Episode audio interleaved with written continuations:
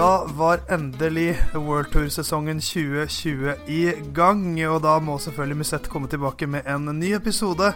Theis er her, eh, Knut er hjemme med sine barn, men Simon, heldigvis er du her også. Ja, heldigvis er jeg her. Knut har jo òg fått seg en eh, bihulebetennelse, så han skal få gyldig fravær eh, denne uka. Det er en klassisk smell. Det er kanskje ikke så rart at han er mest syk når han har små barn. Det er jo en sykdomsbærer uten like. Jeg har to barn i De er vel begge i barnehagealder fremdeles, så jeg gruer meg litt til jeg kommer i det stadiet på sånn måte. For det, jeg hører jo mye at det, det er mye smitte som dras inn jevnlig. Men heldigvis er vi fortsatt eh, barnløse begge to, Simon, så da kan vi prate litt om, eh, om sykkel. Det blir, det blir jo mye fokus på Australia eh, i denne episoden, for det er der det skjer akkurat nå. Så vi kan jo begynne med årets første World Tour-ritt, Tour Down Under, eh, hvor Richie Port viste at han fortsatt kan, og vant rittet for andre gang. Han vant ikke på Willonga Hill, men sammenlagtseieren den tok han ganske greit. Ja, og han var jo i den klart beste på, øh, på Willunga Hill, bare at, øh, bare at det var et brudd som var litt oppi veien. Så Port var Han var virkelig imponerende. Men jeg var litt usikker på han eh, før rittet. Eh, om, usikker på om jeg hadde sett det beste av han. Men eh, nei, han øh, leverer fremdeles på et veldig, veldig høyt nivå. Eh, fyller 35 år i dag, 30. januar, så en fin liten eh, bursdagspresang på forskudd til seg sjøl der, med, med serien i Tour Lønder. Da viser han jo at uh, han fremdeles har et uh, veldig høyt nivå. Så, så gjelder det å klare å ja, holde seg stabil og skadefri inn mot den europeiske sesongen. Så, så kan det jo være at han klarer å slå litt tilbake. Ja, for det var imponerende, det, det han viste her. Men først så vant han jo på Paracombe-etappen, så han fikk, jo, han fikk jo faktisk en etappeseier. Men det, jeg syns jo sånn inn mot uh, Willonga Hill-etappen, som avsluttet rittet, som minte litt om en sånn klassisk uh, Tour Down Under-utgave som vi har sett de siste årene, hvor Port vinner sist på Willonga Hill, men akkurat ikke tar sammendraget. For han, han var jo to sekunder bak Daryl Impy før, før Willonga Hill, men, uh, men der smalt det godt i beina til eh, sørafrikaneren. Ja, han øh, Han hadde jo to sekunder et ganske vanskelig utgangspunkt for han, da, for da må han jo egentlig håpe at um, Port ikke vinner etappen, og at han klarer å holde hjulet. så eh, og Mitchelton Scott spilte jo et, eh, et høyt spill og lot eh, bruddet få mye tid. Et brudd på var vel 26 mann, med bl.a. Vegard Stake Langen. Eh, men så, så brant de seg jo litt på det, og så måtte de jo bruke fryktelig mye krefter sjøl inn mot Billungerhell siste gang for å helt tatt kjøre det inn til en kontrollbar avstand, for det var jo en del av de i bruddet som var ganske nærme i sammendraget. da. Eh, og i selve bakken så var Impi Han var ganske sjanseløs. Endte, endte vel nærmere et halvminutt bak til slutt, så, eh, og sprakk ganske tidlig. Så litt overraskende. Han har jo hengt veldig bra med de siste par årene, men eh, ikke like bra i år. Eh, hva som er grunnen til det, er jo vanskelig å vite, men Port kjørte jo faktisk veldig veldig raskt opp. Det var vel en eh, ny rekord, eh, og det var ikke så ekstremt gunstig vindforhold. Det er vel snakk om at, eh, at det var lett sidevind, så det var, det var meget, meget sterkt kjørt av Ritchie. Ja, for det, hvis man skal se litt mer på hva dette betyr for Richie Port, da Det er jo kanskje en viktigere seier enn det var i, i 2017, for nå er han eh, utgående kontrakt i Trek Segafredo. Han er 35 år gammel eh, blitt i dag, Eh, så han er jo da bare ett år Ett år yngre enn eh, Vincenzo Nibali, f.eks., som nå har kommet inn i Trek Segafredo. Eh, å legge ned en, en seier så tidlig, det etablerer i hvert fall litt at han, han fortsatt har noe å bidra med i Trek Segafredo, ikke bare blir eh, Nibali-fokus. Kanskje. Eh, ja, det tror jeg absolutt. Eh, og så er jo òg spørsmålet om Port er en rytter som skal satse på trikursrytten, eller om han skal satse på disse etapperittene på en uke hvor han har eh, vært veldig veldig god tidligere. Han har jo aldri helt fått det ut i, eh, i de tre treukersrittene eh, så langt i karrieren, mens han har jo ja, annet i et ritt som Paris-Nice gjort det veldig bra. Og det er jo den type ritt jeg ser for meg at han har størst muligheter nå òg. Så jeg vil jo gjerne se at han fokuserte enda mer på det, og heller kanskje faktisk eh, jakta litt etappeseiere i, en, eh, i en Grand Tour. Ja, for han er på en måte en litt sånn eh, Hva skal man si enda bedre versjon av Simon Spilak. eh, og nå som, som Spilak har lagt opp, så kanskje Port kan rendyrke den Spilak-stilen enda mer. For hvis man ser på palmaresen til Port, så er det jo egentlig veldig veldig imponerende. Som du sier, to Paris-Nice-eiere, nå to Tour Nødder, de Romandie, Catalonia rundt, Sveits rundt. Eh, så han har jo gjort det veldig bra i disse korte ukesrittene, men han har bare to eh, topp ti-plasseringer i eh, Grand Tours, og det beste er en femteplass. Så det er kanskje litt underlig at han har hatt så stort fokus på Grand Tours de siste årene. Det blei det jo en liten opptur igjen med en ellevteplass fra Tour de France i fjor, men det er jo Er det noe vits å satse på det når man heller kan, bli, kan vinne de litt mindre tingene? Ja, altså, så lenge du tror du kan vinne Tour de France, så er det selvfølgelig vits å satse på det, men eh, det virker jo ikke som det er realistisk per nå. Den ellevteplassen han hadde i fjor, var jo bare det at du omtaler det som et, eh, et lite eh, Mest fordi han klarte å fullføre, da. Mest fordi han klarte å fullføre, egentlig. Men eh, da så var han jo ganske langt unna å kjempe i, i toppen. Han, eh, han eh, endte jo ganske langt bak til slutt, så det var, var ikke sånn at han var bare en dårlig fjelletapp på slutten fra å være på pallen. Så eh, jeg ser gjerne mer fokus på, på de kortere etapperittene fra Port sin side, i hvert fall. Og trekk har jo både eh, Nibali, som du sier, og eh, Bakum Ollem. Eh, så de trenger ikke nødvendigvis en port som, som kjører eh, en Grand Tour som en kaptein.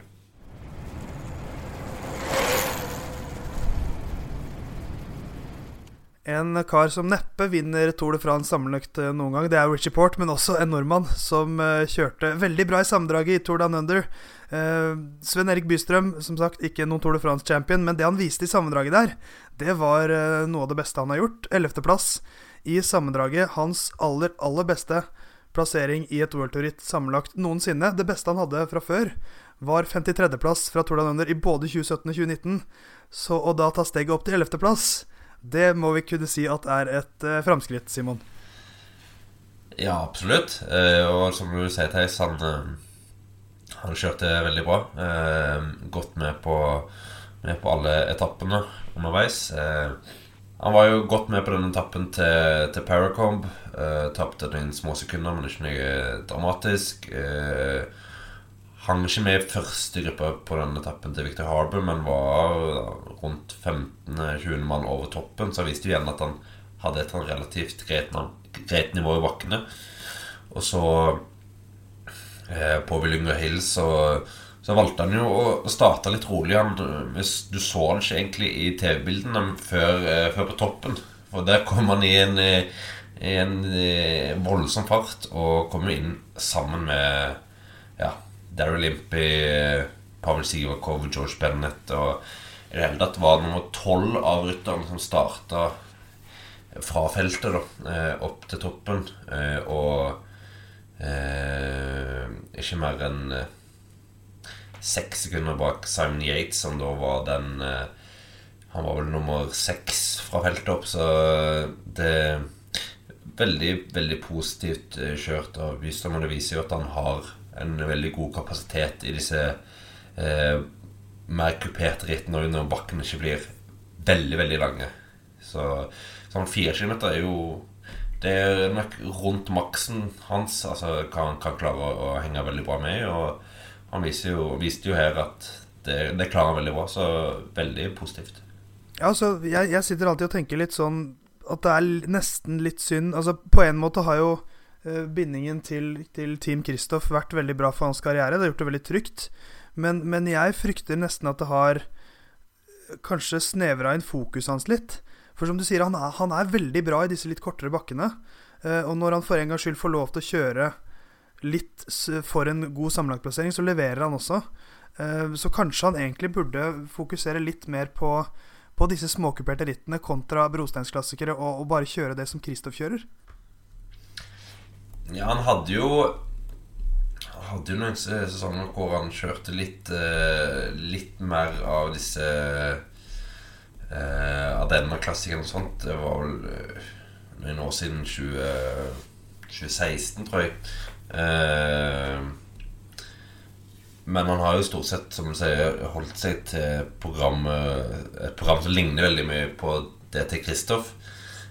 Eh, og det har åpenbart vært positive sider ved det, men det, han har jo han, Generelt eh, Han har jo aldri hatt veldig mange egne sjanser. Det har han jo ikke. Eh, og om han kunne fått mer av det hvis han hadde kjørt et annet program, det, det er jo godt mulig. Eh, men jeg tror jo òg at Bystrøm har blitt jevnt over bedre og bedre nå de siste årene. Du ser han på et litt høyere nivå, føler jeg, eh, hvert år.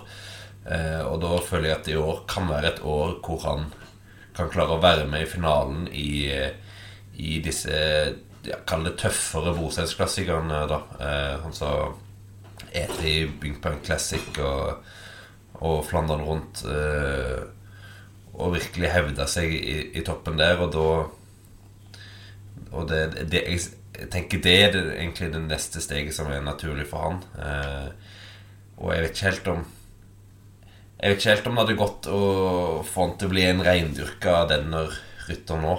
Eh, men det er lett å lett, lett å spole fram fem år tidlig i karrieren og så, så tenke seg om en skulle gjort noe annet for fem år siden. Men han Altså Han er jo en veldig gjennomført, solid rytter nå. Så hvis han bare klarer å bygge stein for stein og videre, så, så syns jeg de ser veldig lovende ut. Ja, det, det, er veldig sant. Han er jo han er, kanskje først og fremst kjørestyrken som er hans største, største fordel. Vi så det jo, den, den så vi jo komme, komme, virkelig de siste årene, da han satt med i bruddet i Paris-Roubais eh, ganske lenge i 2018.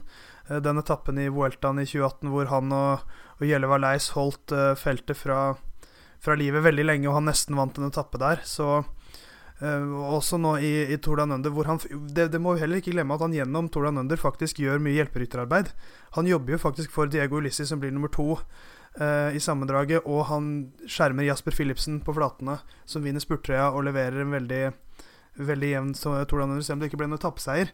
Så er jo han en veldig viktig brikke i at UAE har en så bra Tour Under, samtidig som han kjører et resultat selv. Det er jo også en fjær i hatten. Ja, øh, Bystrøm virker det å være ganske høyt verdsatt i UAE-systemet. Altså, han er jo nå en del av laget som skal kjøre UAE Tour. Det er vel hans øh, neste ritt. Øh, og UAE Tour er jo måte et veldig viktig ritt for UAE Team Emirates. Det er jo da deres hjemmeritt. Eh, og han er rett og slett med fordi de trengte en mann som kunne gjøre en jobb både for kapteinene eh, i, i, fjellene, eller inn mot fjellene, da, og inn mot spurtene. Og den allsidigheten der gjør at han, at han har ganske høye stjerner, sånn som jeg har inntrykk av, i hvert fall. Eh, og som gjør at han har veldig gode sjanser for å få en eh, plass på det laget til Tour de France, eh, hvor eh, hvor han igjen kan gjøre en veldig viktig jobb både for Gaviria og de kjører med Pogacar som kaptein i, i Tour de France. Så eh, en meget anvendelig rytter, Svein Erik Bustad. En uh, rytter som er en litt uh, hva skal man si, tydeligere, har en tydeligere spisskompetanse, er jo Kristoffer Halvorsen. Sykler sine første uh, rittdager for EF Pro Cycling i Tour Down Under. nytt spurtopptrekk, nytt lag, nye lagkamerater. veldig høyt nivå på spurtfeltet. Til slutt så ble det da en sjette- og en sjuendeplass som høydepunktene for Doffen i EF-debuten. E Hva skal vi egentlig si om det vi fikk se uh, i Australia av vår kjære sørlending? Jeg syns han viser god kapasitet. Uh, henger ganske greit med på den etappen til Victor Harbour, blant annet. Og sitter han i, i gruppa med Giacomo Solo over toppen. Uh, men det mangler litt i selve spurtene. Det det er Det er ikke dårlige resultater. Altså, når du har Ewan, Viviani, Sam Bennett og mange andre gode spurtere på, på plass, så forventer du på ingen måte at du skal gå, og, gå hen og plukke seire. Eh, men vi hadde jo et håp om at han skulle i hvert fall kunne være i nærheten av en, av en plass på podiet på en av etappene. så sånn sett er det jo litt under forventningene, kanskje. Han, han var jo ikke veldig fornøyd sjøl heller. Spurtene sitter ikke helt. Han kommer seg ikke helt i, i en posisjon han ønsker å ha. gjør liksom, må gjøre litt komme litt uheldig inn i en del av spurtene på en måte. Så han har ikke helt klart å komme i en posisjon hvor han virkelig kan måtte spurte om en seier så langt. da uh, Og det gjør jo òg at resultatene ofte ja, blir litt, uh, litt dårligere. Det er jo begrensa hvor, hvor, bra du kan gjøre det når du åpner spurten fra en 15.-plass. Så jeg hadde jo håp på bedre, og han kjørte jo nå eh, i dag, altså 30. januar, inn til en 11.-plass i dette Torquay Race, eh, som er en slags oppvarming mot Ken Levens Race. Så det, det stanger litt. Eh, men forhåpentligvis er det bare litt, eh, litt mer spurttrening som skal til før han, før han er helt oppe i toppen. Jeg er veldig enig. Altså, Rom ble ikke bygd på en dag, og det er veldig sånn det er jo en, en, ny opplevelse, det han har nå, kontra det han har hatt i, i Team Sky eh, de to årene han syklet der. Det var eh, Nå har han plutselig et spurtopptrekk. Eh, ryttere som jobber med han. De siste årene har han jo vært vant til å jobbe litt sånn Kanskje hatt én eller to mann med seg i spurtene, stort sett, som hjelper han inn til siste kilometer, og så må han klare seg aleine. Nå er det litt, litt mer plutselig mange som skal hjelpe han, og flere kokker kan jo bli mer søl når de kokkene ikke er så godt trilla. Så det er kanskje litt ulempen med et spurtopptrekk at uh, hvis det ikke klaffer, så blir det veldig dårlig. Mens hvis du kjører rundt aleine, så er det kanskje lettere å sykle inn et topp ti-resultat, men du er kanskje på samme måte litt lenger unna seieren, for du bruker så mye krefter på å kjempe rundt aleine. Så jeg tror nok litt at, at, man trenger litt tid på å bli vant til nye lagkamerater. De må finne ut av hvordan Doffen funker. Det er jo, det er jo mange, eh, mange tannhjul i dette, i dette instrumentet her nå som skal fungere sammen for å få han fram til seier. Og når spurtfeltet er så bra, så skal det jo klaffe veldig for at det skal gå hele veien. Men når eh, Giacomo Nisolo kan vinne i Tour Down Under, så kan også Doffen gjøre det. For uh, Doffen er minst like rask som, som Nisolo, så det, det, det, må bare klaffe. Hello, I'm Alberto Contador and listen to Mushet. Ny sjanse på uh, søndag allerede for Kristoffer Halvorsen. Da går uh, Cadell Evans Great Ocean Road Race, som det heter så catchy, uh, i Geelong. Gamle VM-trakter, gode norske sykkelminner der. Ti år siden, tenk det. Kristoffer Halvorsen skal sykle der mot veldig mange av de samme spurterne som sykler i Tour de Nunder. Så det betyr Sam Bennett, det betyr Caleb Ewan, det betyr Elia Viviani, blant annet. et ritt som er fortsatt ganske ungt sjette utgaven nå i år. Eh, I fjor ble det avgjort i en massespurt. Da vant Viviani. Året før var det en litt mindre gruppe. Da var det McCarthy som vant foran Viviani. Så det har jo som regel blitt, blitt et samlet felt. I hvert fall de siste tre årene. Ish. Ja, jeg syns jo det er, det er, litt sånn spennende når du får Får litt sånn gamle VM-løp tilbake. Eh, det er ikke så ofte du får muligheten til å se de ja, mer enn den ene gangen de kjøres i, i mesterskap. Så eh, jeg syns jo det, det, er en veldig fin eh, Det er en fin rundeløype. Eh, så jeg gleder meg veldig til, til det. Eh, og som du sier, Theis, det er en, det er en løype som, eh, som kan gi litt eh, Litt forskjellige scenarioer. Så Eh, som vi òg så i, i, VM i 2010. Så eh, sannsynligvis en redusert gruppespurt. Det er vel kanskje det, det en heller mot. Eh, og jeg er spent på om eh, Doffen da klarer å henge med inn til den spurten. Eh, som jeg nevnte tidligere, så syns jeg de han leverte sånn rent kall det kapasitetsmessig i bakken. Han har han ganske greit med så der. Så jeg har eh, god tro på at han kan òg gjøre det eh, på søndag.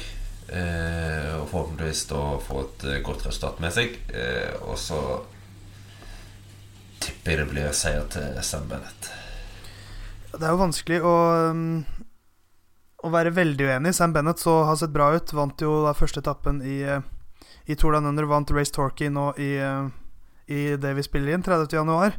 Uh, Caleb Ewan vant, vant, jo to etapper i Tour Down Under, så um, han kan man jo selvfølgelig alltid regne med.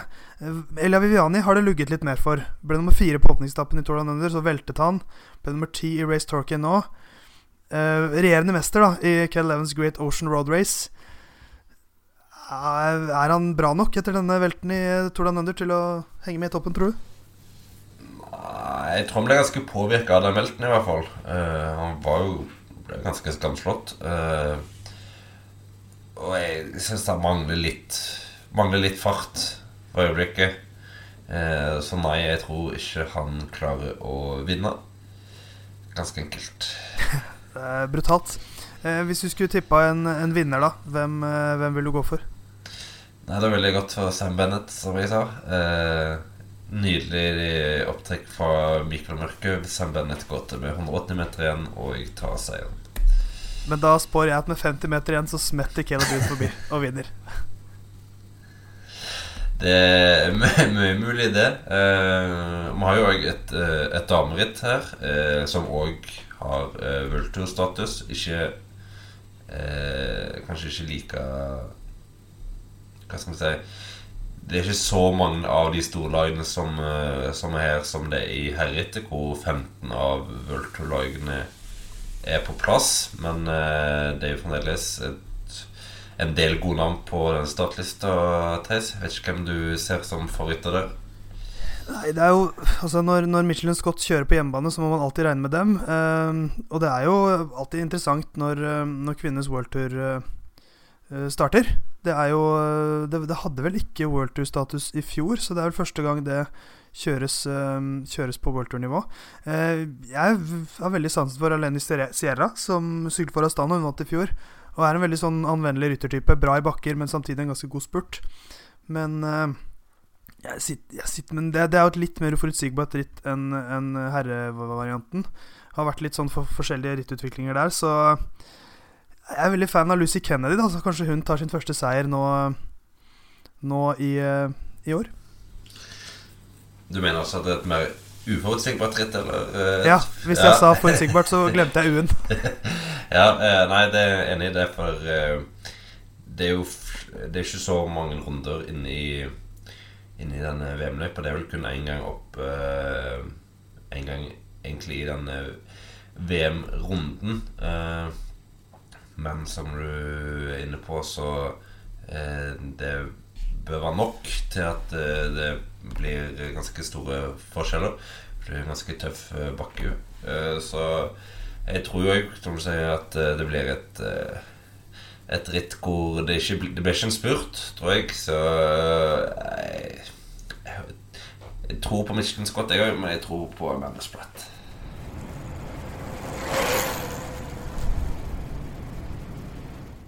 Det er primært på den uh, sydlige halvkule det foregår nå, for vi skal reise videre fra Australia til Argentina, hvor uh, Vuelta San Juan er godt i gang. De har syklet fire av syv etapper. Det er en uh, hviledag i rittet den 30. januar. Så eh, på fredag så fortsetter de med den første eh, av Eller den eneste fjelletappen. Da skal de opp til 2624 meters høyde på Alto Colorado.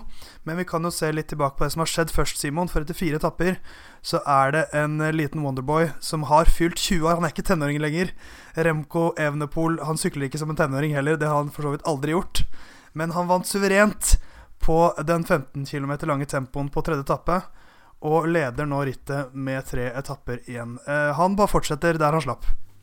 Ja, den tempoen han leverte, var God. Rett, og slett uh, forrykende. Det var et veldig veldig høyt nivå over den. Vant du da altså med 32 sekunder på Filippo Ganna. Så det er sølv- og bronsemedaljen fra VM i fjor. Så nivået i toppen er jo sånn sett høyt, men avstanden er, er stor. Uh, det eneste som gjør meg litt usikker på akkurat nivå, er jo at Oscar Sevilla, denne veteranen som, eh, av en spanjol, eh, som har hatt sin eh, fortid før i karrieren, kan man si, 43 år, eh, har vært litt kontroversiell, men eh, han var da Altså, kall det kun 1.08 bak på tredjeplass. Eh, så enten så er jo han fremdeles i latterlig god form, siden han slår bl.a. Nelson Oliveira og Brann McNulty og Marché Bodner, men uh, Evenepool så i hvert fall veldig veldig god ut på denne etappen, så han må jo være den store favoritten og til å vinne rittet sammenlagt. Ja, for det, du kan si, si mye om Sevilla osv., men han tar jo tross alt to sekunder på kilometeren på Filippo Ganna. Og det er, det er meget, meget solid. Så, så, blir det veldig spennende å se da på denne, denne Alto Colorado-etappen. Det er altså en 19 km lang stigning de avslutter med. 4,4% i snitt ish. Og det er ganske mye stigning tidligere på etappen. De skal opp i høyden. Um, så det merker jeg at jeg er veldig spent på hva eh, Evenepool kommer til å vise der. Ja, det er jo ganske tøff uh, Tøff uh, vakkerhet. Det er den samme vakker som de, som de kjørte i fjor. Så han, uh, han kjenner jo denne bakken, da. men han er ikke så veldig bratt. Det er rundt 19 km, men ikke mer enn ja, 4,5 i snitt omtrent. Så du er egentlig en veldig god bakke ved Evenepool tror jeg. For da kan han egentlig bare sette, sette seg i front på et høyt tempo og så kjøre mer eller mindre alle, alle hjul. For jeg tror ikke de Jeg tror det er ingen som klarer å kjøre raskere enn han, i hvert fall. Eh, men det ble jo òg eh, En lurer jo litt på hvor eh, på en måte skal Evenepool ta karrieren videre. Når skal han begynne å utvikle seg inn i en sånn eh, sammenlagt eh, rytterkarriere eh, eller en noe annet. Og da er jo en eh, etappe som det her, og et ritt som det her, en god test for å se hva han egentlig er i stand til i, i de lengre bakkene. Så er jo heller ikke motstanden her den, eh, den helt råeste. Det er jo det er ikke noen, noen Egan Bernal, noen Tadej Pogacar, noe Lopez eller Froome eller eller hvem som helst som han sykler mot. Det er, det er Guillaume Martin, det er liksom mer den type ryttere. Så det er jo sånn sett kanskje en litt mer behagelig fjelltest enn det kunne vært, som gir han muligheten til å kanskje sykle det her litt som en favoritt. Ja, eh, han hadde jo egentlig lagkameraten Julian Alaphilippe med seg, men han ble jo sjuk. Mageproblemer, så han slo av. Eh, så han kunne jo kanskje vært en større favoritt. Selv om de sa på forhånd at uh, Remco skulle kjøre for sammendraget sitt. Det fikk med meg. Men, så ja. Uh, Matin, og så har du Betancour, Sepulveda. Uh, en del greie ryttere, men uh, ja, jeg tror Evenepool uh, fort er den beste opp den bakken, og, og tar sammenlagtseieren ganske greit.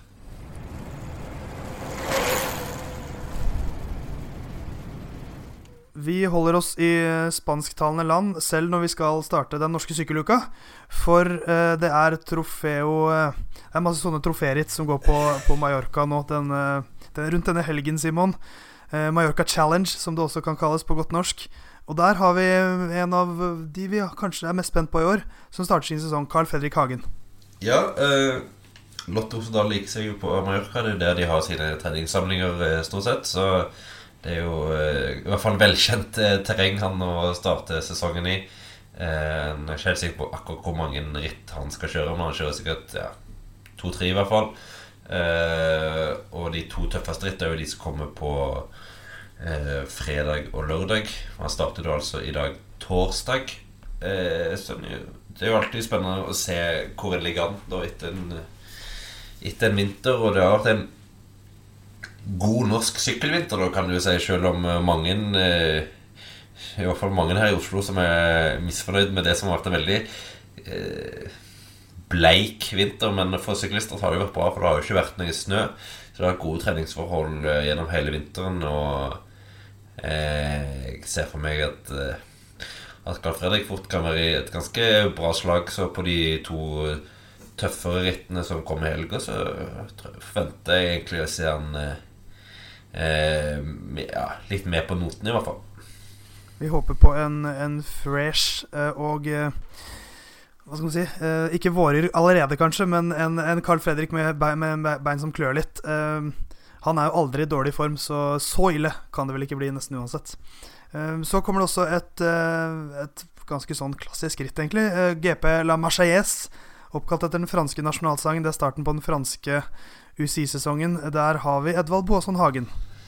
Yes. Uh, det, er et, vel et nytt ritt for han. Jeg tror aldri han har kjørt, kjørt det før.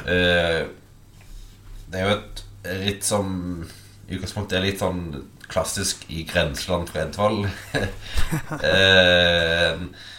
et endagsritt med en del bakker, men en flat avslutning. Så hvis du henger med, så, så er han selvfølgelig en seierskandidat. men det er jo et et ritt som eh, gjerne avgjøres fra, fra mindre grupper, da. Eh, men absolutt mulig for, for Edvald å, å, gjør et veldig bra start. Og vi husker jo hvor god han var i sesongstarten i fjor, så kanskje han like god eh, start eh, Nei, form starten av årets sesong. Han skulle i hvert fall ikke eh, hadde i hvert fall ikke planer om å være i dårligere form. Så det, hvis han er like god form i år, så lover jo det veldig bra. Det, er veldig internasjonalt snitt over Musett i dag. Vi har vært i Australia, vi har vært i Argentina, vi har vært i Spania og Frankrike. Jaggu skal vi ikke til Saudi-Arabia også, for der er det rival som har med et lag. Og August Jensen skal debutere for sitt nye danske uh, profflag. Ja, det er et nytt ritt, dette Tour of Saudi-Arabia, eller Saudi-tour, eller hva du skal kalle det. De har fått med seg eh, fire World eh, på, på start og en, god del eh, pro-teams. Blant annet rival hvor da August Jensen får sin debut for laget. de stiller med et ganske, et ganske bra lag. for å se hva som blir August sin rolle her, om han får sjansen i, i spurten eller, eller hva. men det er alltid greit å komme i gang. Jeg vet ikke helt hva vi venter av det for det er første gang det blir kjørt. Eh, etappene er litt forskjellige. Noen i litt mer kupert terreng, noen i litt mer flatt terreng. Og skal være en del sidevinds eh, utsatte etapper, eh, som jeg får se litt hvordan det blir. Men da blir det i hvert fall starter i hvert fall han på sesongen sin. Det blir spennende å se. Det er jo eh, fire World Tour-lag som skal sykle der. Kanskje Eh, de tar med seg noen gode spurtere. Nasser Bohani kan fort komme dit for Akea Samsic. Så, og Rival har jo gode spurter også i Arvid Klein, så blir han eller August. Vi får se. Men spennende er det vel uh, uansett. Så kan vi reise tilbake til Spania. Uh, Volta a la Comunitat Valenciana. Der vår beste mann uh, de siste årene starter sin sesong. Alexander Kristoff. Ja, det, han kjørte samme ritt i fjor òg.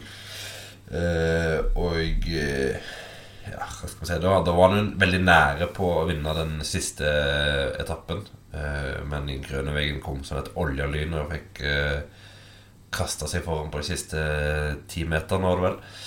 Eh, men ja, det er et ritt som er litt eh, Litt av alt. Det, det, er ikke, det, er ikke, veldig harde fjell, men det er jevnt, relativt sånn halvkupert terreng, så det blir en, en fin Eh, start på sesongen med litt eh, krevende og, god kjøring.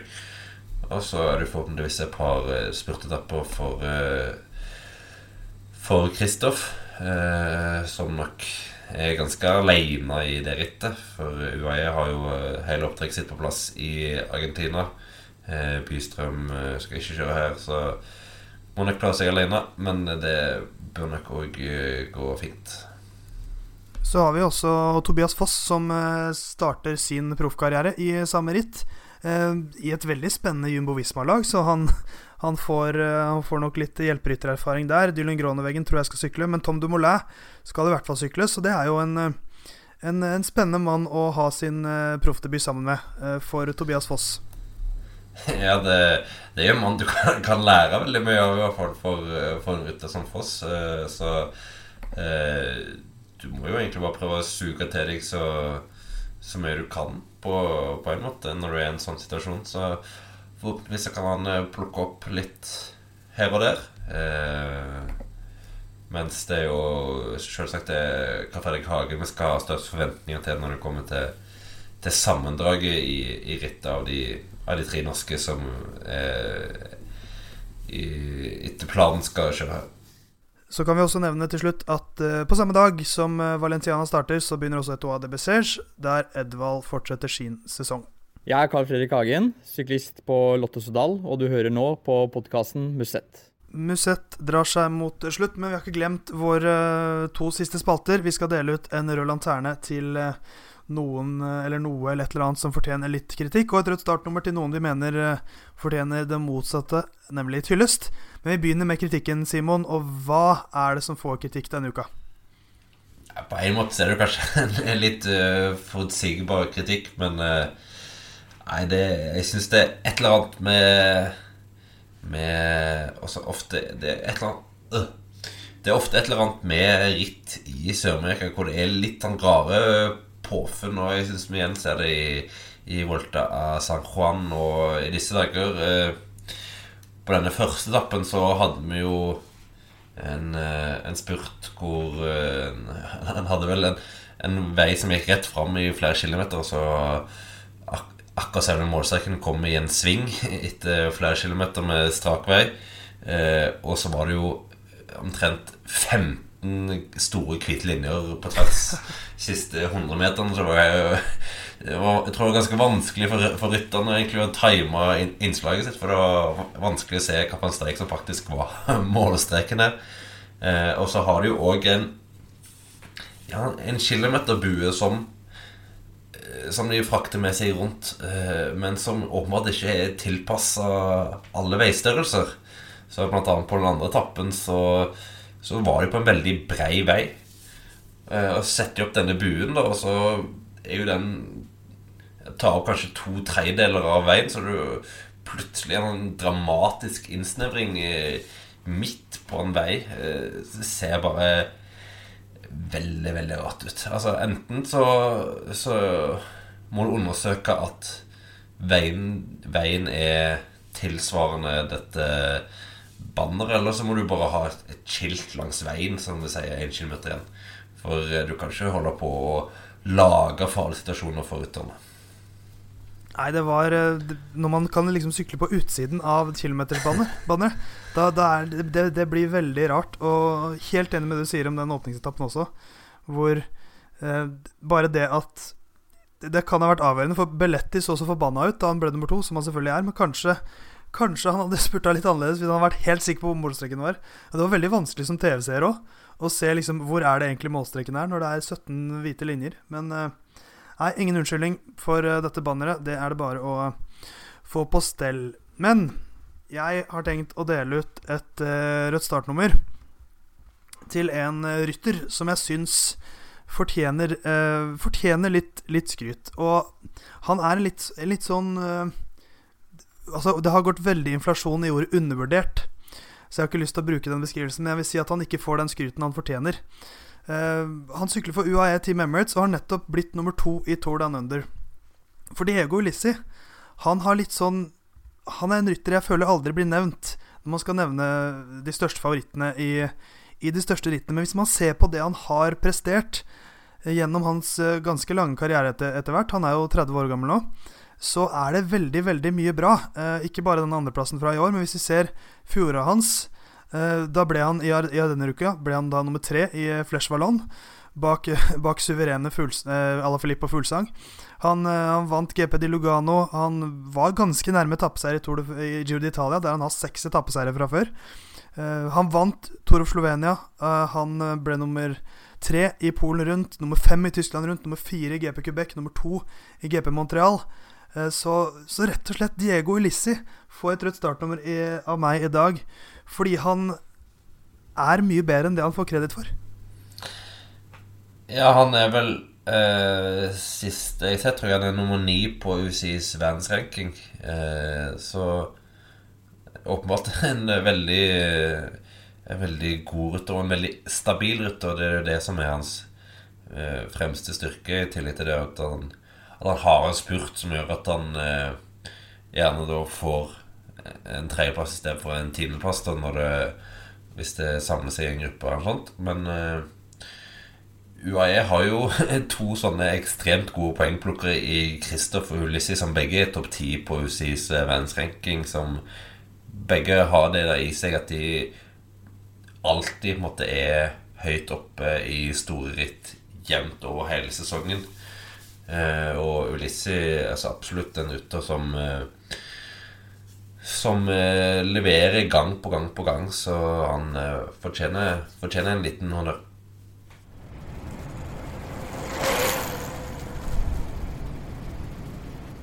Da er eh, Musett over for denne gang. Det er, det er deilig å ha sykkelsesongen i gang nå, eh, Simon. Eh, om en måned så begynner eh, klassikerne med Omlopet newsblad. Så eh, det, det går slag i slag nå. Ja, når du først uh, har eh, kommet i gang, så, så er det jo på en måte eh, raskt i gang òg. og som vi inne på, den europeiske sesongen begynner jo da denne uka, i dag. Så, så nå er det jo virkelig rett rundt hjørnet at vi virkelig begynner på de store tinga. Så det er bare til å, til å glede seg. Og så er vi jo òg tilbake med mer sykkelsnakk ja, i neste uke en gang. Vi satser på det. eh, Og for at du der hjemme skal få med deg det, så må du selvfølgelig finne ut hvordan du kan høre på oss. Det vet du jo i og med at du hører det vi sier nå. Men eh, vi finnes der de fleste podkaster finnes, så gå inn og abonner på oss. Gjerne eh, gå inn på iTunes og slenge inn en liten rangering. Sånn at det er flere som kan finne oss, for det syns vi er gøy. Så abonner, last ned og ranger. Og så er vi tilbake om ikke så veldig lenge, kanskje med Knut i form, eller Simon?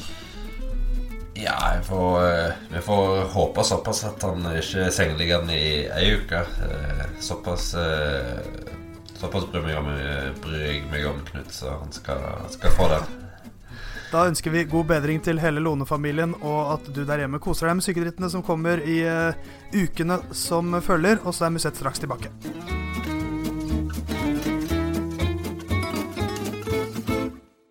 Jeg liker å kalle det Kell Evans Great Ocean Vol nei, Great Volvo Ocean Race.